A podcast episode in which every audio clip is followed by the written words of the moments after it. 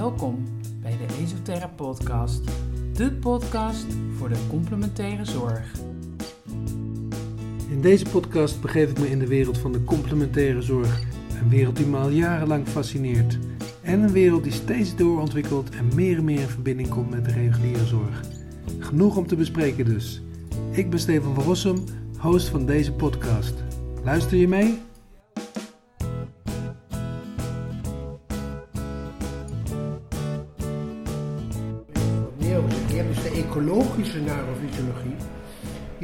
Van eh, het bewegen begint niet hier en dan gaan we het lichaam bewegen. Nee, het bewegen begint daar. In Ja. de propriocepties, in de waarneming, in de beleving. Ja.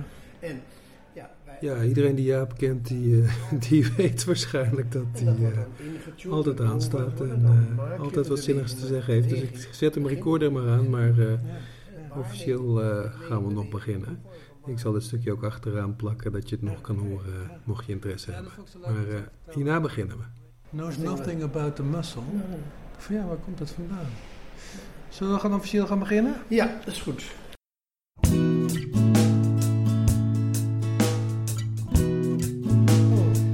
Nou, ik zit eh, met Jaap van der Wal en daar ben ik ontzettend blij mee, want ik heb Jaap nou, wel weer twee jaar geleden in België ontmoet op een eh, driedaagse lezing. En ik kan eigenlijk niet zo goed stilzitten, maar ik zat drie dagen aan je, aan je lippen gekluisterd. Wat had jij een mooi verhaal. En daar heb je alles verteld over, eh, over embryologie eigenlijk, hè? Ja.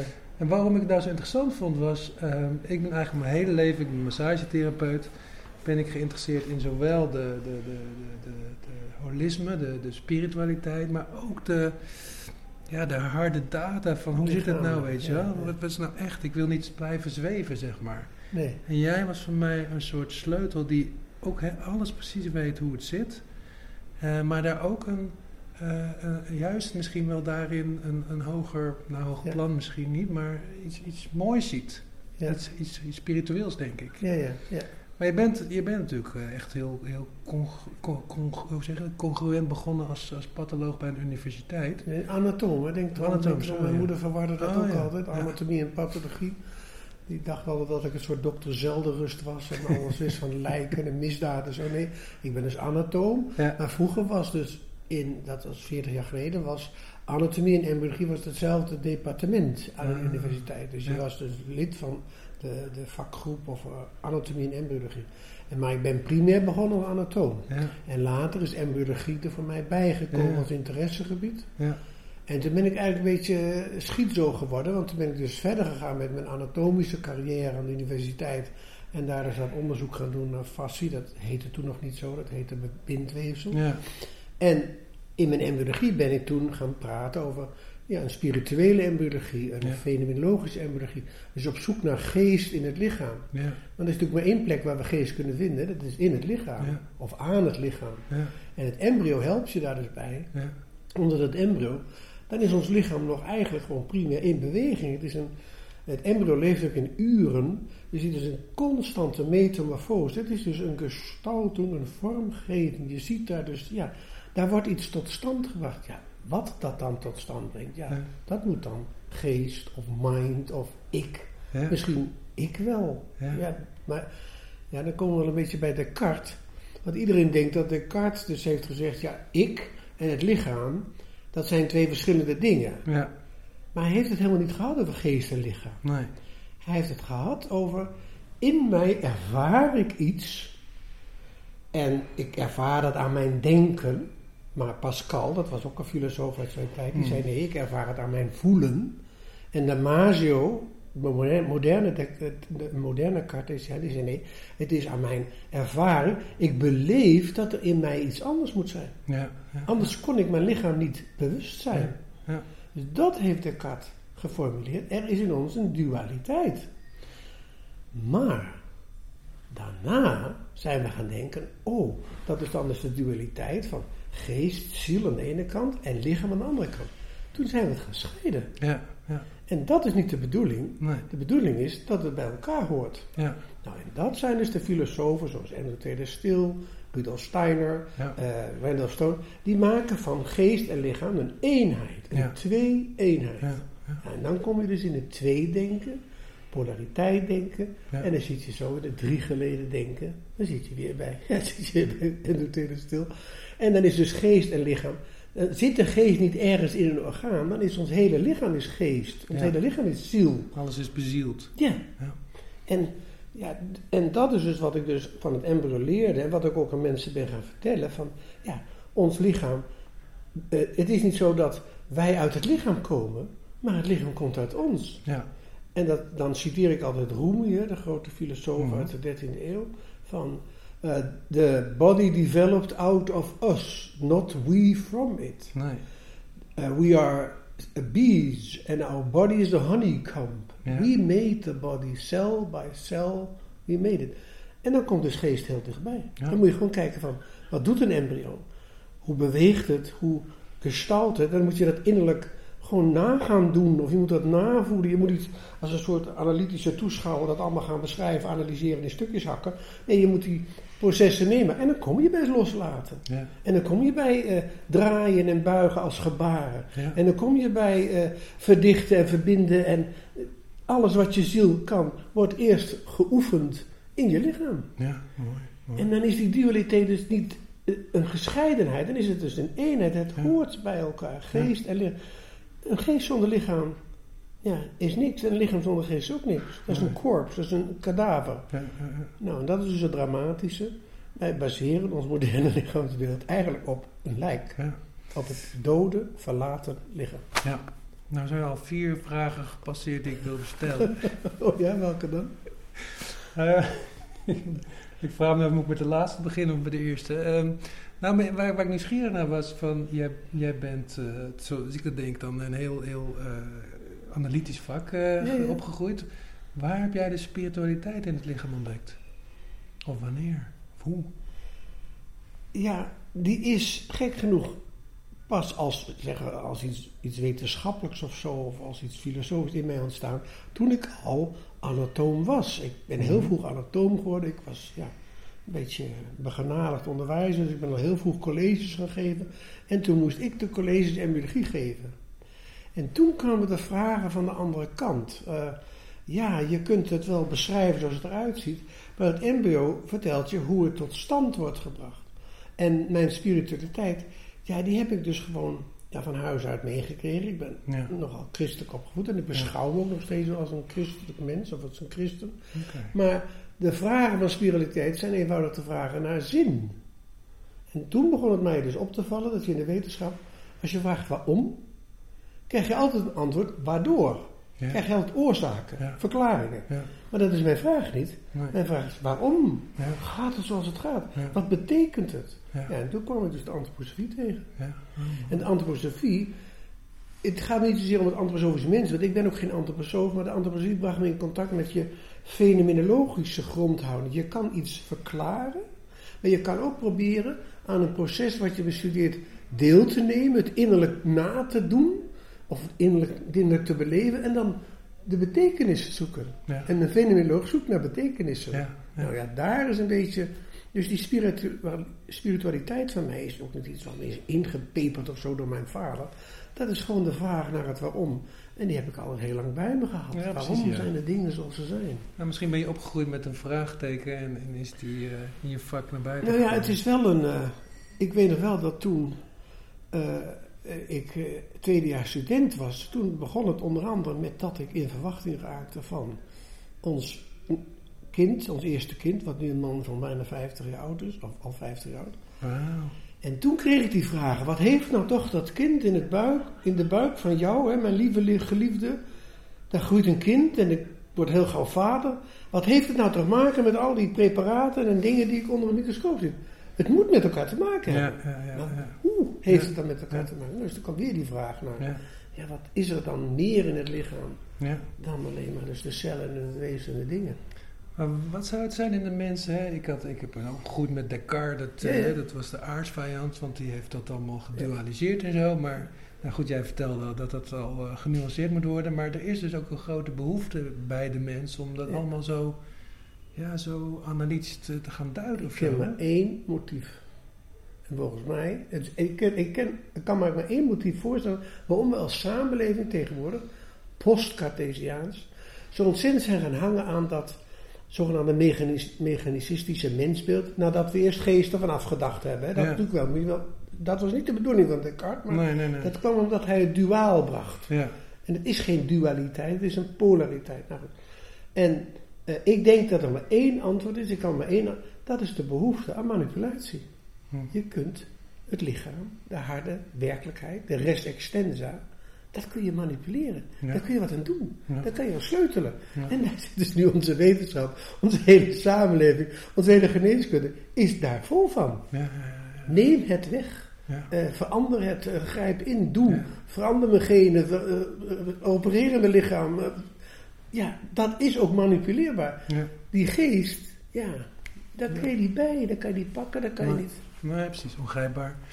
En dat moet dan maar het brein zijn, hè? Want daar, Ja, het brein is dat is tegenwoordig. logisch, ja. Zodra je natuurlijk voor een, voor een zielenkwaliteit een stukje brein kunt ontdekken, heb je alweer de mogelijkheid om eens over na te denken. Kunnen we dat met medicamenten of met een elektrode, Ja. kunnen we dat misschien wel beïnvloeden? Ja. Hebben we weer een therapie? Ja, Wat we tegenwoordig therapie noemen, zijn bijna altijd behandelingen, manipulaties. zijn geen echte therapieën. nee, nee. Therapie is dat het weer heel wordt.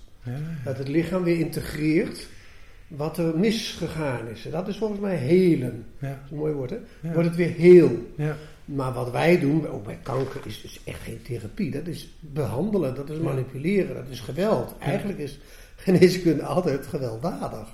Hè? Chemisch gewelddadig, farmacologisch gewelddadig. Omdat het over de materie gaat, Ja. over het materiële lichaam. En dat kan, ik denk dat daar de verleiding... Ja, misschien is het wel een beetje hebzucht of een beetje greed, hoe heet dat? Angst. De neiging om het onder controle te kunnen hebben. Ja, natuurlijk, ja. Dat is natuurlijk een enorme verleiding. Nou ja, dat heb ik altijd. Ik heb altijd eh, met het christendom eh, ge- ge- gevochten, zeg maar. Van, hè, dat, dat klopt toch voor geen meter en zo, heeft Jezus het niet bedoeld. En dan heb ik de, dan, eh, maar het is natuurlijk eh, door mensen omarmd. Mensen hebben daar enorm behoefte aan, omdat zo heel... we Ik denk dat dat de veiligheid is van Ja, dat het hard is, dat je het kan manipuleren. ja. En het geeft ook een soort zekerheidsgevoel. ja precies, ja. Dus Hou het vast. is een verlangen. Ja, Hou vast. hou vast. Hou Letterlijk. vast. Hou vast. Laat niet los. Maar dan kan je bijna zeggen van, dan zitten we hier op een fascia-congres. Ja, ja. Hoe, hoe geseculariseerd of hoe, hoe duaal kan je het, kan je het dan nog eh, krijgen? Als je dan één zo'n zo'n zo'n tissue eruit haalt. Ja, dat, dat heb ik vanochtend ook in die lezing proberen aan te geven. Dat is natuurlijk wel een denkfout. Om, als je dan op zoek gaat naar dat wat ons heel maakt, of dat wat ons bij elkaar houdt. Ja, dat je dan denkt dat moet dus een weefsel of een systeem of een orgaan zijn. En dan zit je het filosofisch eigenlijk vreemd. Ja, Dan zou ik ja. zeggen, zeg dan dat is geest of zo. Dan, dan kan er iets voor. Iets wat de dingen bij elkaar houdt, moet van een andere orde zijn als de dingen Ja, iets wat in mij denkt, moet van Ja. een andere orde zijn dan mijn lichaam, anders Ja. kon ik het niet bewust zijn. Maar goed, heelheid is te vaag. Dus nu dreigen we om dus helemaal te focussen op die passie. Dat is de materialisatie van dat wat ons samenhoudt. ja, Ja, ja. kijk, en Enno Stil durft er toch verder te gaan. Die durft er toch verder te gaan. Die zegt van, het is uiteindelijk ziel, dat andere in ons, dat ik van Descartes, dat is wat ons bij elkaar houdt. Ja, ja. En dat leeft en dat weeft door het lichaam heen. Gaan we op zoek naar een medium dat overal leeft en weeft. Ja. Nou, hij kwam dan op fascie uit. Ik kom op fascie en bloed. Ik kom op mesenchiem. Ik kom op meso uit. Ik kom op het midden uit. Ja, ja. Een bindende factor. Nou, ik moest vanmorgen aan mijn moeder uitleggen waar ik naartoe ging. Een fascia-congres. Ja, wat is fascia? En toen probeerde ik daar, of toen legde ik het uit en toen zei ze, oh, een soort maizena. Een soort wat? Maizena. Maizena. Ja, leuk, oké, leuk.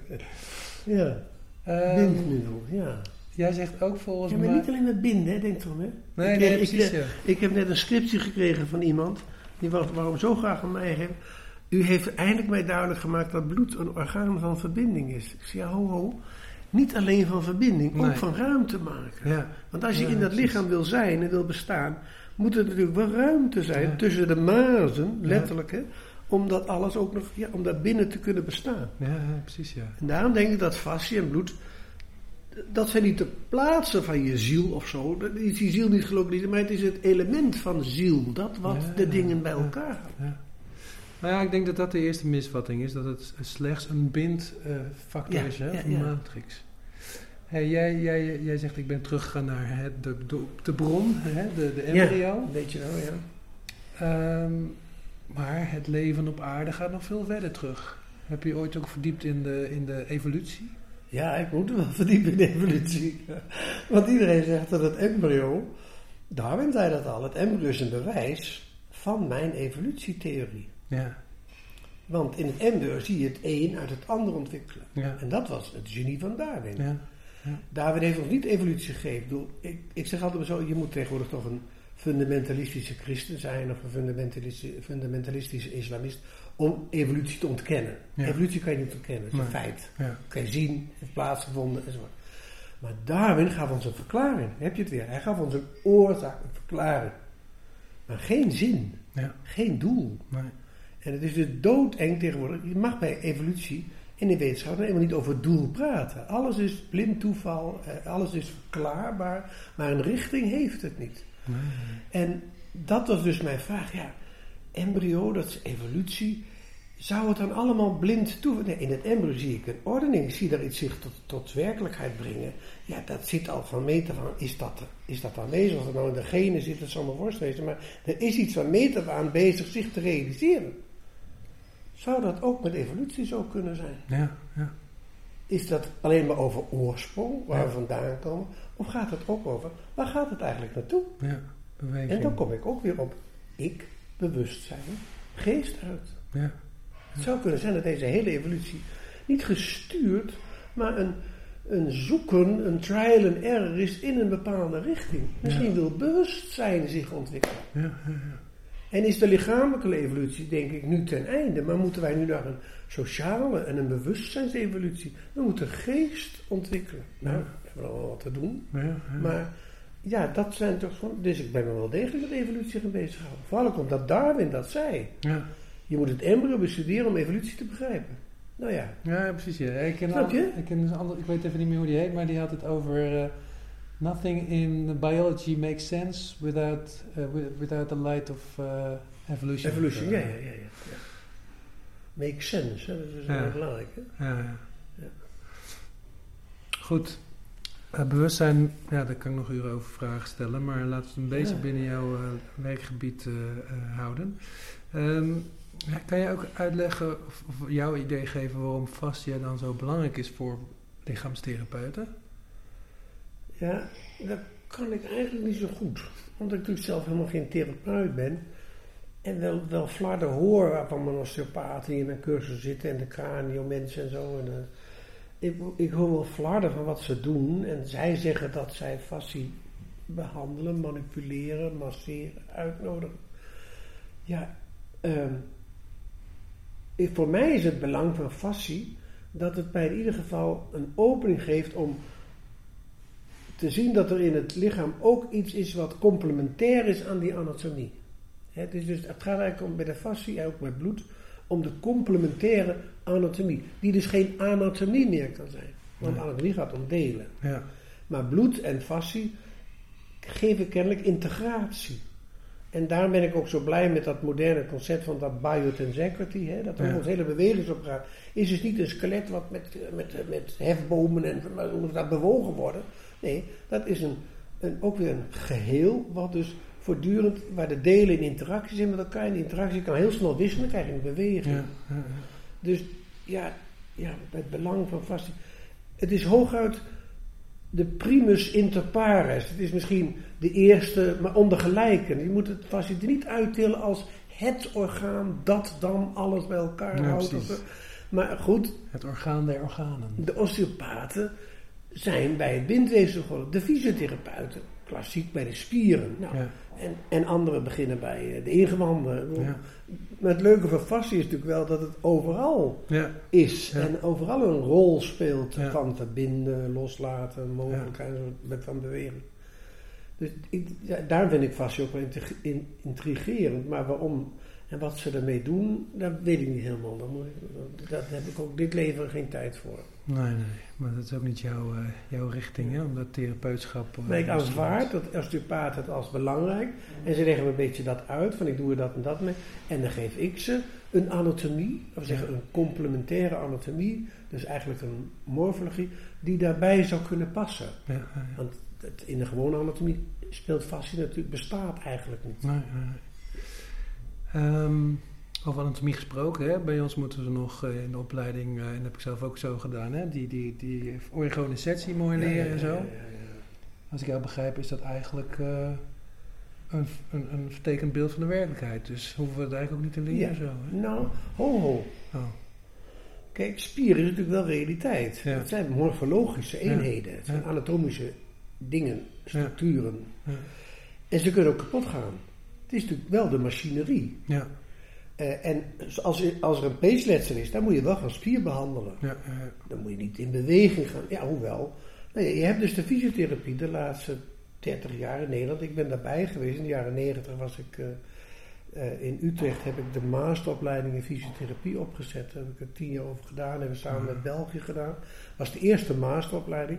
Want het ging er dus om dat de fysiotherapie die moest zich bewegen van zeg maar de spiergeoriënteerde naar de beweging, naar de handelingsgeoriënteerde fysiotherapie. Want je moet mensen behandelen in hun handelen. Ja, ja, Niet in hun spieren, maar spieren zijn soms kapot. ja. En of de reflexen werken niet, ja, dan moet je toch op spierniveau wel thuis zijn. Snap je? Dus soms moet jij met je massage of met je behandeling of met je manipuleren natuurlijk wel weten waar je anatomisch ja, een spier moet opvinden die bijvoorbeeld misschien gestoord is, kapot of verlamd. Ja, Nee, dus je moet het niet weggooien. Maar de modelletjes, ja, moet je wel realiseren, zijn modelletjes. Die touwtjes die, eh, Ja, die ook onze grote Da Vinci toch tussen twee botten spande. Ja, dat Ja. is maar een model. En toen zijn we dat wel blijven hangen. Ja, en toen zijn we vergeten dat het om bewegen gaat. Ja, precies, ja. Dat is een andere benadering. Dat vind, voor, voor mij is dat steeds de uitnodiging voor wat jij vertelt om op een andere manier naar hetzelfde te kijken. Hè? Ja. Ook wetenschappelijk, Ja, maar wel complementair, hè? Ja, Kijk, dus de, de spier hoort thuis in het musculoskeletal system. Zo kan je erover denken. Ja. Skelet met daartussen touwtjes, dat zijn spieren. Eh, dat is natuurlijk ook wel waar. En dan moet je denken in organisatie en touwtjes en botten enzovoort. Maar wat is er afwezig? Fascie. ja, Het bindweefsel van het periost. Ja. Het bindweefsel van de spier. Het bindweefsel van de apeneurose. ja. Als je dat erbij denkt, dan krijg je dus een heel ander skelet, krijg je een hele andere architectuur. Dan gaat de fascie, het bindweefsel, dus het bemiddelend worden tussen spier en skelet. Krijg je al een veel omvattender systeem. Dus ik zou zeggen, eigenlijk is musculoskeletal system is de absolute anatomische reductie van ons bewegingsapparaat. Ja, ja. Je moet er sowieso fascie bij denken. Ja, Dan kom je al meer in een architectuur. Architectuur is de simpelste vorm van holistisch denken.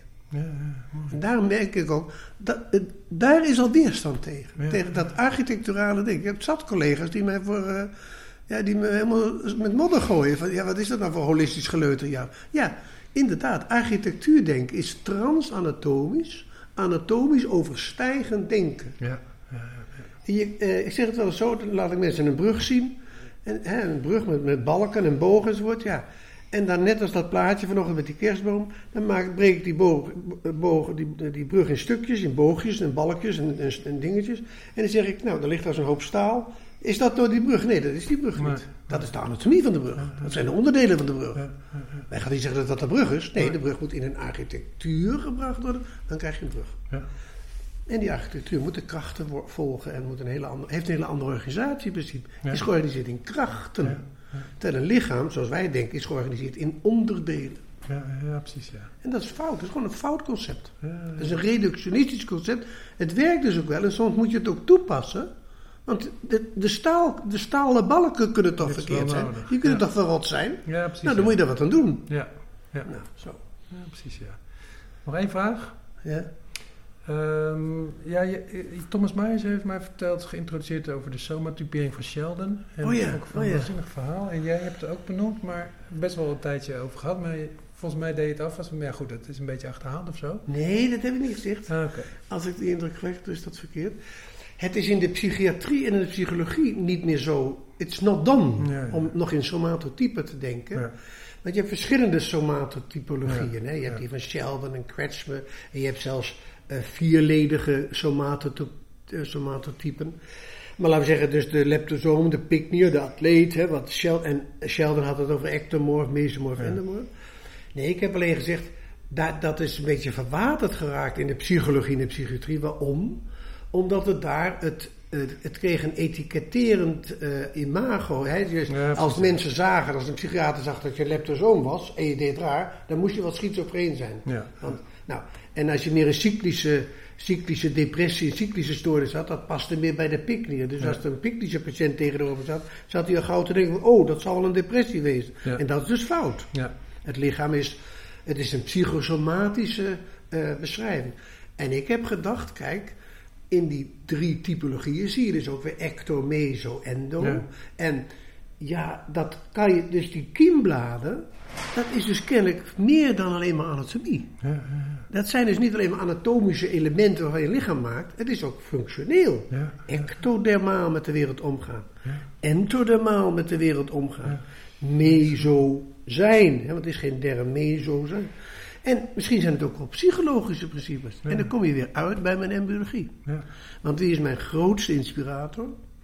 Niet Steiner, niet Stil, niet Stone. Hè, dat zijn die drie filosofen. Maar Blechsmit. Ja. Heeft mij het sleuteltje gegeven. Die zei, in het embryo, dus in jouw lichaam, in ons alle lichaam, oefent zich de ziel voor. Een vooroefening. Alle gebaren die je later in je zielenleven kan maken, moet je eerst anatomisch, morfologisch doen. Ja. Het embryo gaat een keer overeind. Ja. Het embryo opent een keer zijn armen. Ja. Maar dat is nog morfologisch bewegen. Ja. Dus morfologie als proces. Ja, en dan zit ik dus Ja, dat krijg je als je opneemt op een live locatie. Dan gaan de dingen fout, of kan het in ieder geval fout gaan. En hier was opeens een kabel eruit getrokken door een van de technici, denk ik. Ehm, goed, het gesprek was ook bijna ten einde, dat hoorde je al. Maar eh, natuurlijk heb ik Jaap van der Wal ontzettend bedankt voor zijn, eh, voor zijn tijd. En zijn toelichting op zijn, eh, op zijn werk, eigenlijk zijn levenswerk. Ehm, ook op zijn verzoek geen muziek onder de tekst, onder, zijn, eh, onder ons gesprek. Maar eh, nu zijn we klaar, dus nu komt de uit, uit, outro muziek. In ieder geval hartstikke bedankt voor het luisteren. En ja, ontzettend bedankt.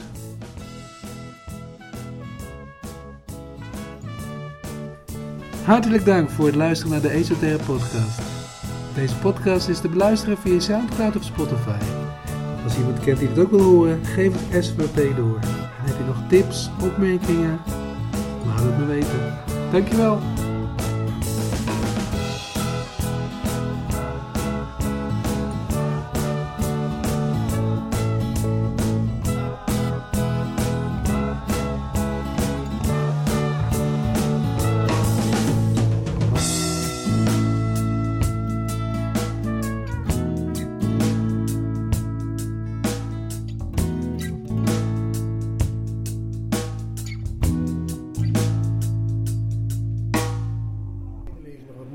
Hebt dus de ecologische neurofysiologie.